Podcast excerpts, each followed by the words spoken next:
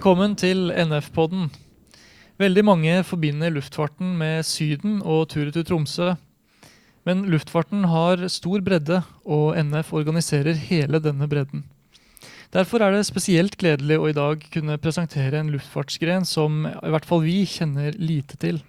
Ja, for i dag så skal det handle om helikopter, og nærmere bestemt helikopterselskapet Elift, som er en av eh, hovedaktørene innenfor innenlandshelikopter i Norge. Vi har jo eh, begrenset kunnskap til den industrien, så det skal bli interessant å høre mer om hvordan deres arbeidsdag ser ut, konkurransesituasjonen og hvilke utfordringer de står i, både som ansatte og som selskap. Attention,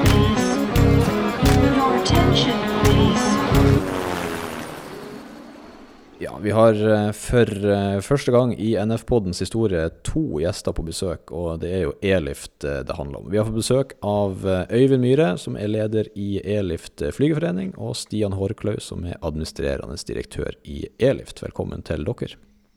Takk for det. Takk for det. Uh, Øyvind, hvis vi begynner med deg, da, uh, som helikopterpilot. Vi er jo, uh, Flesteparten av medlemmene i Norsk Flygerforbund er jo, flyr jo med fastmonterte vinger. Jeg på, Kan du fortelle litt om hvordan ser, en, hvordan ser hverdagen ut for en helikopterpilot? Ja, vi har jo Sånn som mange andre bransjer, så er det jo sesongbasert, vår bransje også. Så vi har det litt roligere på på vinterstid, og så er det bånn spiker på, på, sommer og, og, og, høst. Og en dag er typisk eh, Man får en, eh, en, eh, en oppdragsskjema for den dagen man skal fly, det man skal gjennom. Og så starter man med planlegging. Og det er vel en utfordring i seg sjøl kan være. For du du har det du skal gjennom. Du ringer kunder. Du, du får planlagt det overordna med kundene på, på forhånd. Eh, du må planlegge på fuel. Når du snakker med kundene, så snakker vi gjerne om hvor, hvor mange hiv det er, hvor tung er hivene, eh, hvordan rekkefølge osv. Et hiv, hva er det for noe? Bare for å ta det. Ja, ja. Eh, hvis du kommer til hyttejobb, da f.eks., så Vi flyr jo i på plasser der eh, man ikke kommer frem med bil eller med, med, med andre ting. Så, mm.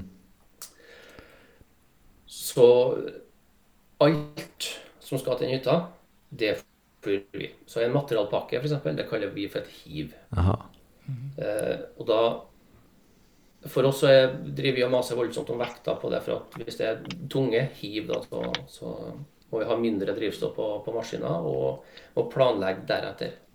Mm. Vi, vi, ja, vi, kommer på plass. Eh, vi tar en stopp. Eh, vi, vi snakker med kunden. Vi legger planen for gjennomføring med alle sammen som er med. Vi går igjen med en SJ da, hvis det trengs. Vi bruker god tid på å stroppe opp alle, alle hivene. Altså vi, vi legger stropper, tau, rundt hivene som vi fester i, i kroken vi flyr med en eh, for vår del en 18 meter line som er i buken av, av helikopteret. Og i enden av det der har vi en krok der alle hivene blir, blir kobla på. Ja. Er det noe typisk eh, maksvekt? Maksvekt på, på, en AS 350 eller H125, som er det mest normale i, i Norge, det er 1400 kg. Men det er noen andre begrensninger der, så Eh, typisk maksvekt er jo på den 1250 kg. Sånn cirka. Og det er, det, er, det er, tungt nok eh, for det helikopteret der, spesielt når vi opererer på plasser med, med vindforhold som ikke trenger å være så, så fryktelig bra. Vi har fallvinder, vi har turbulens osv. Så, videre, så det tar jo igjen på, på planlegginga med, med, kunden, da. Mm. Eh, og vi stropper opp i alt ifra altså, Ei hytte er jo hytte. Eh, det er alt fra vindvar til materialhiv og glava, isolasjon, ovner. Det er, det er, veldig mye spesielt vi, vi tar med oss ut her da, hvis vi tar utgangspunkt i en, i en hyttejobb. Mm. Sånn eh, Arbeidstidsmessig har dere en, eh, en altså Hvordan ser vaktplanen ut for en måned? da? Ja, nei, vi har ikke noe vaktplan eh, sånn sett. Vi, eh, vi, tar egentlig dag for dag, kan du si. Det er veldig dynamisk eh, arbeidsmiljø. Det er vel det. På ettermiddagen eller kvelden før så vet vi hva vi skal gjøre dagen etter.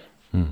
Eh, det vi vet på forhånd, er jo hvor lenge vi skal jobbe i gangen. Og vi, eh, vi jobber jo sånn i snitt 14, 14, 14 dager på og 14 dager av. Og det er det som er liksom planen. Når du er på jobb, så er det som sagt veldig, veldig dynamisk. Ja. Eh, kan, du fortelle så, litt om, kan du fortelle litt om hvordan man blir helikopterpilot? Fra, fra man er student til man, til man rett og slett sitter her som helikopterpilot? Ja, ja den typiske veien der er for min del, som, eh, som gjorde det litt annerledes enn det som er mest naturlig, det som er mest vanlig, det er å Jeg fikk en jobb i Airlift eh, og jobba der én sesong. Og så fikk jeg da muligheten av, eh, av flygersjef til å gå på EOC på Torp for å ta sertifikatet. Så fikk jeg komme tilbake til, til Airlift igjen som lastemann. Og det er lastemann man starter alle sammen. Det er den uh, veien man går. Mm.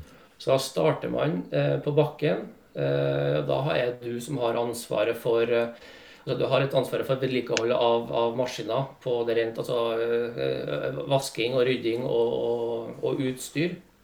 og når oppdragene skjer, så er det lastemann som står på bakken, stropper opp og, og, og fjuler og, og gjør sånne ting. Egentlig alt utenom å fly, kan du si. Mm. Hvor lenge er man lastemann sånn typisk? Det varierer voldsomt. For ti år siden så varte var det så fryktelig mange årene. Eh, men så ser man at eh, markedet har endra seg noe voldsomt. Så det blir bare lenger og lenger. Du må være lastemann. For det er ikke noe automatikk at det er så mange år, og så blir du pilot. For det er jo etter behov. Mm. Og når hvis sånn i 2008-2009 så så vi jo at etterspørselen begynte å gå ned, og, og tida det tok da før du ble lastemann til du rykka opp som pilot, det gikk stadig lenger. Mm. Så jeg tror kanskje rekorden i e-lift var ett og et halvt til to år. Mm. Og den rekorden, dessverre, den andre veien begynner å nærme seg sju år nå. Ja, såpass, ja. Er det, er er det mange som eh, liksom faller av på veien og mister motivasjonen, eller står folk og løper ut? Klart det er det. Det er, det er jo begrensa hvor lenge folk eh, orker mm. Og jobbe eh, 12-9, som er den normale turnusen for en, eh, for en lastemann, til en, eh, til en, lønn som ikke er, er all verden, mm. for å nå drømmen om å, om å begynne å fly. Mm. Og når du har håpet da, om, om, at det skal gå et par-tre år, og du er på ditt femte år, så klart uh, Man sliter litt med motivasjon da. Mm. Ja, det kan jeg tro. Ja. Eh, Stian Horkløv, vi tar inn deg også for å høre litt om Vi har jo, eh, vi som jobber i, i, luftfartsbransjen, vet jo alle sammen at det har vært et eh, sprøtt år vi har tilbakelagt. Hvordan er, ser markedet ut for eh, innenlandshelikopter nå? Vi er jo heldigvis litt skjerma i forhold til de eh, store negative strømmene som treffer fiksving og luftfart generelt. Vi eh, opplevde jo som mange andre at i fjor når pandemien slo til for fullt, så forsvant markedet vårt òg. Men sakte, men sikkert har det tatt seg opp igjen. Så per nå så har vi en grei ordresituasjon og merker ikke så veldig mye til pandemien. Ehm, det, det, vi ser, eh, er jo at eh, vi, vi, gjør jo veldig mye for kraftindustrien. Eh, og Det er jo det som er vårt, vår hovedkunde. Så mm. Det vi har opplevd de siste åra, er at lave kraft- og energipriser har gjort at en del større prosjekter har blitt utsatt og satt på vent. Så Det har hatt en større negativ konsekvens for oss enn selve pandemien. Og så ser vi jo det at På sikt så er det nok en trend med mindre behov for innenlandshelikopter. Både fordi at ubemannet luftfart og droner kommer, og fordi at eh, behovet generelt ser ut til å flate ut og, og kanskje har en nedadgående trend. Så, så, vi forventer et ganske tøft marked i de kommende åra. Ja vel, for Det var liksom neste, litt neste spørsmål der, om det var noe spesielt sted hvor eh, skoen trykker, da, eller hvilke utfordringer dere spesielt står overfor eh, nå fremover? Det det litt, litt, av utfordringen som vi opplever, er at uh, bransjen er veldig fragmentert. Mange småselskap som, um, som kjemper en innbitt kamp for å, å, å, vinne oppdrag, som gjør at prisutviklingen er, er, er veldig svak og lavere enn det, den kostnadsutviklingen vi har sett de siste åra. Så vi, vi, tror på at markedet må restruktureres gjennom en konsolidering der det blir større og mer slagkraftige selskap som kan drive mer industrielt enn det vi opplever i dag. Så, så vi opplever at det er den største akilleshælen. Det er òg drevet av store, sterke kunder som har stor innkjøpermakt, og som eh, på mange måter dikterer betingelser. Så det er en kjempeutfordring. Den innkjøpermakta, blir den, eh, blir den forvalta på en god måte, sånn som det er i dag, sånn som du ser det? Vi mener iallfall at det kunne vært gjort mer for å, um, å, å ha ryddigere forhold. Um, jeg jobba jo tidligere i ferjenæringen og så hva betydning det hadde for den bransjen når staten gikk inn og sa at nå skal vi få en grønn ferjenæring uh, og, og, stimulere i, i, så måte. Det gjorde at vi fikk tidenes uh, utbygging av, av elektriske ferjer. Det vi ser her i vår bransje, er at staten som sitter som en stor innkjøper eh, gjennom mange store forvaltningsselskap, ikke er med i hvert fall å, å, å rydde opp i en del åpenbare ting som, som burde vært tatt tak i. Dere er jo, Elif er jo kjent for å være en, en, eh, høyst seriøs aktør og som har et høyt sikkerhetsnivå. Men det her er jo ting som, som koster penger da, å drive et, å drive et sunt og sikkert, eh, et, et sunt og sikkert helikopterselskap. Opplever dere at det er sunn konkurranse, sånn som markedet er nå? Vi opplever på ingen måte at konkurransesituasjonen går utover sikkerheten, i hvert fall i vårt selskap. Eh, for det er en absolutt som vi aldri går på akkord med. Men, men, eh, generelt sett så skulle vi nok gjerne sett at kundene våre hadde mer fokus på en del eh, grunnleggende forhold for å bedre sikkerheten. Eh, og Der er det jo interessant å se på forskjellene mellom offshorehelikopter og innenlandshelikopter. Der eh, en eh, er kommet vesentlig lenger i å utvikle en sunn og god sikkerhetsfilosofi på, på offshore-siden enn hva en er innenlands. Og Det burde jo ikke være sånn, sånn som vi ser det. Mm. Hva er grunnen til det, egentlig? Nei, grunnen til det er nok, er nok, ganske enkel at konsekvensene av at et offshorehelikopter eh, har en alvorlig hendelse, er større og får et større eh, fokus i media eh, og i samfunnet generelt enn hva en opplever på innenlandshelikopter. Eh, og Derfor får en eh, en del kall uheldige mekanismer som ikke blir tatt tak i eh, godt nok i vår del av bransjen. Mm. Øyvind der, har, Øyvind, har du samme oppfatning det, i det spørsmålet? Ja, eh, vi er veldig enige med, med, med selskapet i, i, de spørsmålene. Og der, eh, Det er kanskje noe vi skal snakke om litt eh, senere òg, men det er jo et prosjekt nå gjennom NF som det blir tatt tak litt i de tingene. og det blir Man prøver å få i stand en dialog mellom de store innkjøperne og og, og, og, selskapene for å få rett og slett litt mer fokus uh, på det der, og på bli enige om hva som skal til for å få, få, en bedring på situasjonen. For sånn som det er nå, så er det ikke bærekraftig på lang sikt. Mm.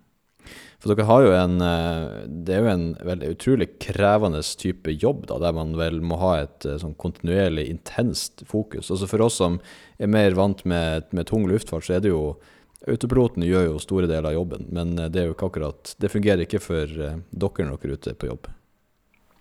Nei, uh, her er det hands on hele tida. Og ja, jeg vet ikke hvilken sammenligning Det er jo den mest krevende jobben i, i tung luftfart òg, er jo for så vidt sånn som du sier, det er jo kanskje approacher og og takeoff. Og vi eh, I løpet av en dag så kan vi jo ha 30 landinger og, og 70 hiv, f.eks. Og det blir jo det blir jo 170 approacher det, med, mm. med og uten longline på, på én dag, så arbeidsmengden er, er høy.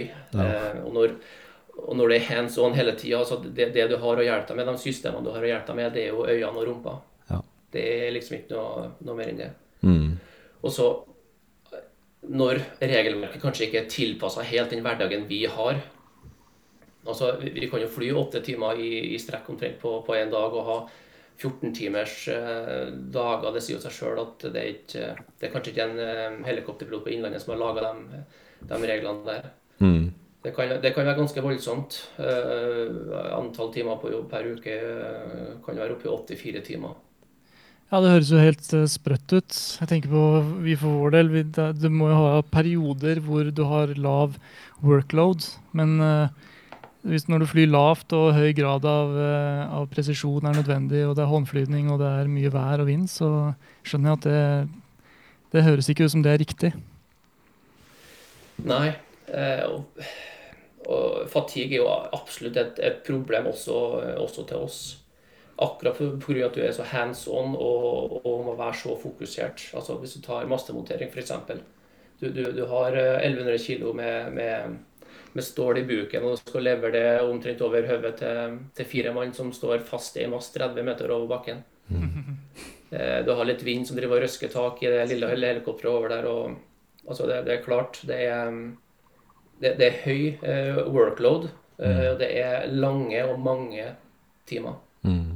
Og, men samtidig så kan vi si at eh, de, de ulykkene som vi har hatt på Innlandet de siste årene, det ikke Det har stort sett vært av andre eh, årsaker. Men personlig så tror jeg det er på grunn av, men kanskje på tross av, eh, av regelverket. Og at eh, pilotene har vært flinke til å melde seg 'not fit to fly' når de kjenner at, eh, at den grensa er nådd. Mm.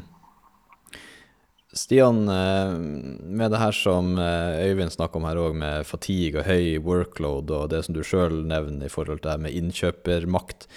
Eh, hva ser du for deg at skal til for å sikre en god og sunn framtid i denne bransjen?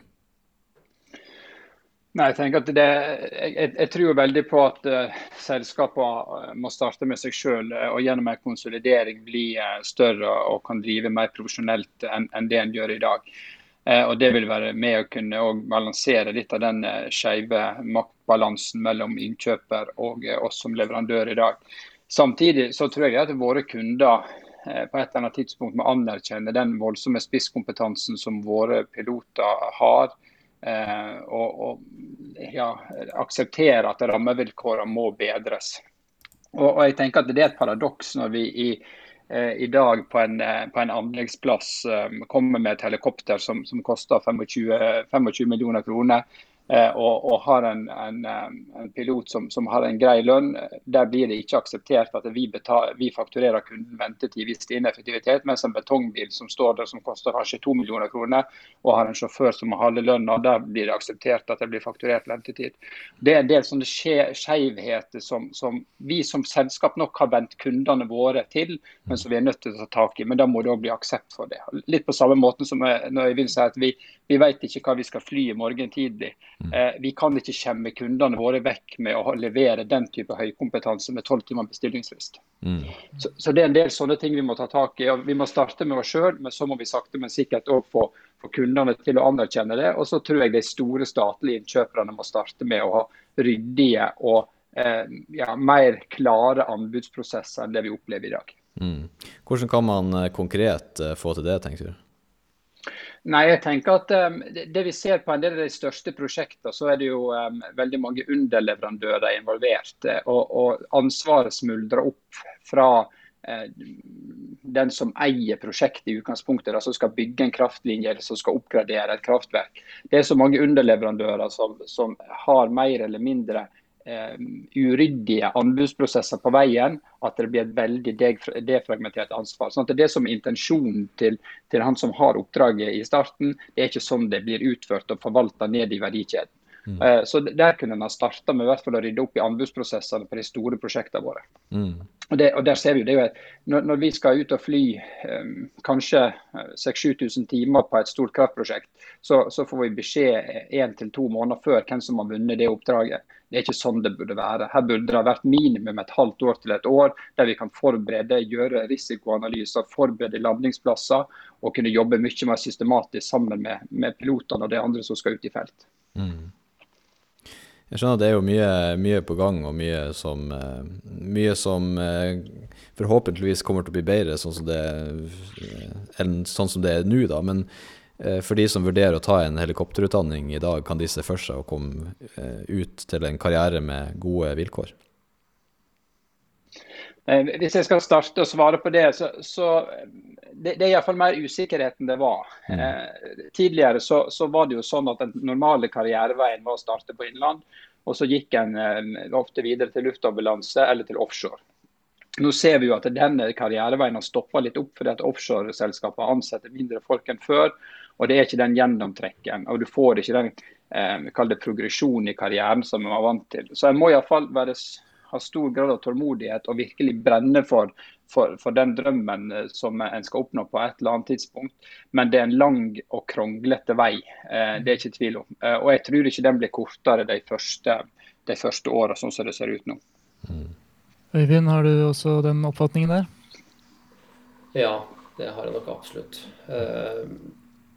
Samtidig som, som den, uh, den, pila peker nedover, så, så, har vi også en del altså Det er mange som utdanner seg som helikopterpilot, som kanskje ikke helt er klar over hvordan markedet ser ut.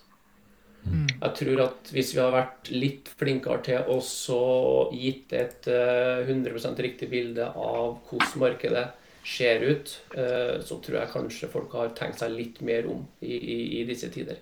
Det er, det er steintøft, rett og slett. Men, men men jeg har lyst til å si en ting til i den forbindelse. for jeg tror Vi som en samla del av luftfarten har også en jobb med å gjøre i forhold til å heve anerkjennelsen med det å være innenlandspilot. Fordi at Vi burde jobbe for den målsettinga at det skal være kanskje slutten på karrieretrappa eh, for en del personer. Ikke det nødvendigvis jaget etter enten å komme over i fikstving eller å sitte og styre et større tomotors eh, offshorehelikopter. For Vi har jo tjeneste hos oss med tungløfthelikopter som løfter eh, 3,5 tonn.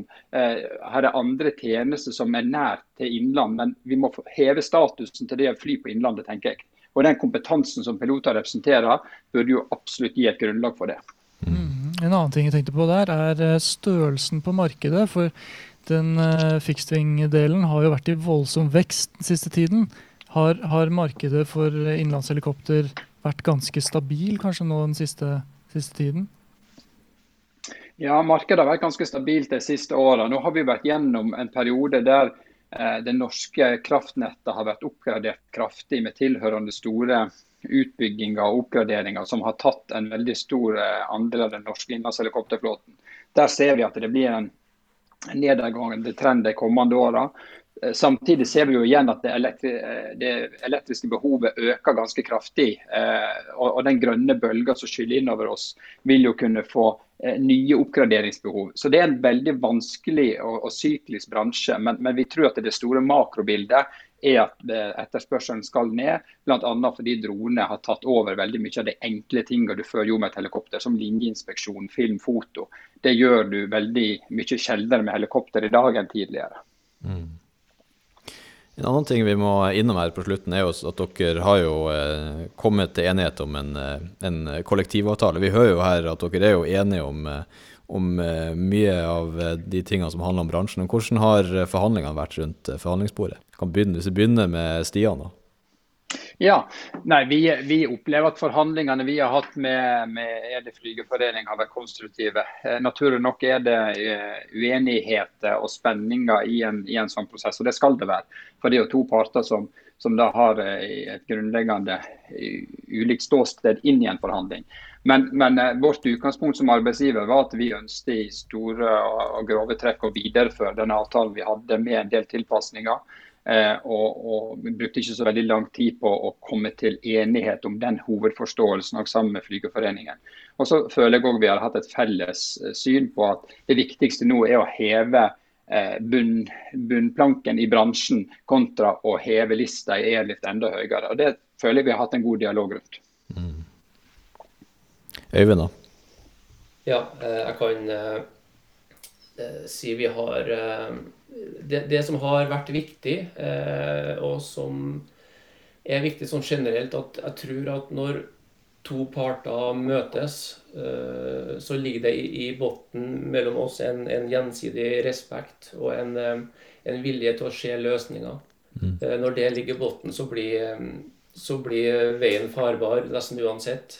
Eh, altså, som Stian sier, vi, vi har jo eh, ulikt syn eh, på, på mye. Men så lenge det ligger i bunnen, så, så, så, klarer vi alltid å, å finne løsninger og, og, komme rundt det. Mm. Eh, og det, det, som vi, eh, det som er viktig for oss, da, det er jo selvsagt å, å ha den tryggheten, altså den viktigheten av å ha en tariffavtale, eh, være en del av hovedavtalen og ha den tryggheten i, i bunnen. Det er svært viktig for oss og, og, våre medlemmer. og Jeg tror også at, at selskapet deler det synet da, om å ha de, de, de, rammene på plass og den gangen eh, i det. Mm. Og så det, setter vi også veldig stor pris på det, det med å, å være, være, medlem i, i, NF og være under LO-paraplyen. Mm. Med, de, de, rammene og, og, og den, den, den, veien som er på en måte allerede lagt opp for oss. Eh, Sjøl om altså, vi er, vi er, flygere som sitter på denne sida av bordet. Eh, og, og, profesjonaliteten har kanskje økt litt med, med, årene, som det var for 20 år siden. På, på, på andre sida av bordet. Eh, vi er fremdeles flygere, og vi er gode til det vi holder med. Jeg kjenner ingen som har noen master i noe business eller noe sånt som jeg jobber sammen med. hvert fall, så det å være medlem av, av NF der og ha Det, det, det er som å ha en, en storebror du kan spørre om råd. Eh, du får hjelp til, til ulike prosesser, om det, er, om det, er, forhandlinger eller om det skal være store prosesser som skjer innad i selskapet, så vet vi vi har den tryggheten der ved at vi kan få hjelp med råd og, og, og sånn gjennom dem. Og det tror jeg Stian setter litt pris på òg. Eh, jeg tror selskapet er tjent med det å, å ha de rammene. Å ha et, et, forbund som snakker samme stammespråk som, som de på andre sida av bordet um, gjør. Mm. Hvis vi skal eh, trekke linjene litt eh, sammen og se litt eh, framover med alt det vi har snakka om nå, hvordan ser framtida ut for norsk innenlandshelikopter? Ja, det er klart at Så lenge vi bor i et land som ser ut sånn som det gjør, med høye fjell og mange fjorder og utilgjengelige områder, så vil det være behov for innenlandshelikopter.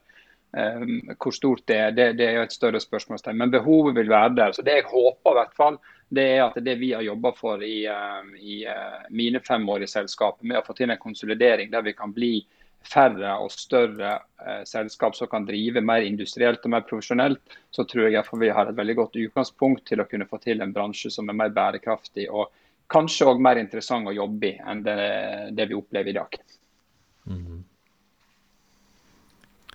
Øyvind, deler du deler oppfatninga? Ja, eh, det gjør jeg. Vi, eh, samtidig så eh, vi, vi skal ikke bare, bare være negative.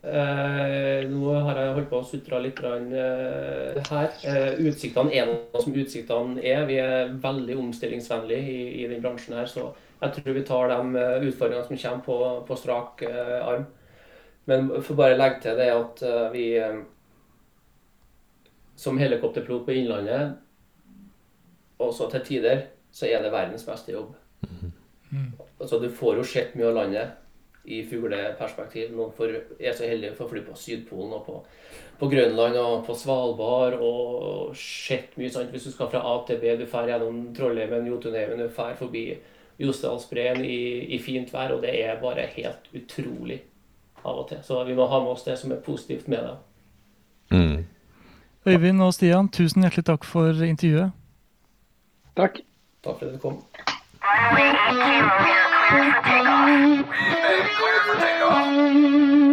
Det er jo utfordringer som virker kjent for ja, flere greiner i luftfartsbransjen. og Veldig interessant å høre at de også kjenner at det er flere aktører som presser priser ned. Og eh, som da gjør at anbud blir så lav at det kanskje blir helt på grensen. da. Ja, vi vil jo helst at det skal være en, en slags økonomisk bærekraft. Og flysikkerhet koster jo også penger. Både tenker på både trening og rekruttering av riktige folk til riktig jobb. Og sikkerhetsarbeid er jo ekstremt viktig når man flyr en sånn operasjon som det innenlands helikopterselskap gjør. Mm. Jeg kjenner for Det kunne vært veldig interessant i en senere episode å snakke mer om det her sikkerhetsarbeidet som gjøres for eh, innenlands helikopter. Vi var jo litt innom det når vi hadde jo Bjørn Skatval på besøk fra flysikkerhetskomiteen. De flyr jo som sagt nær bakken, det kan være droner som flyr rundt i området. Vær og vind, og alt det her eh, kombinert med et eh, helt ekstremt presist arbeid. Da. Ja, ja, Det får bli en senere episode, og i mellomtiden så kan du sende oss e-post til podcast.flyger.no at Attention, please.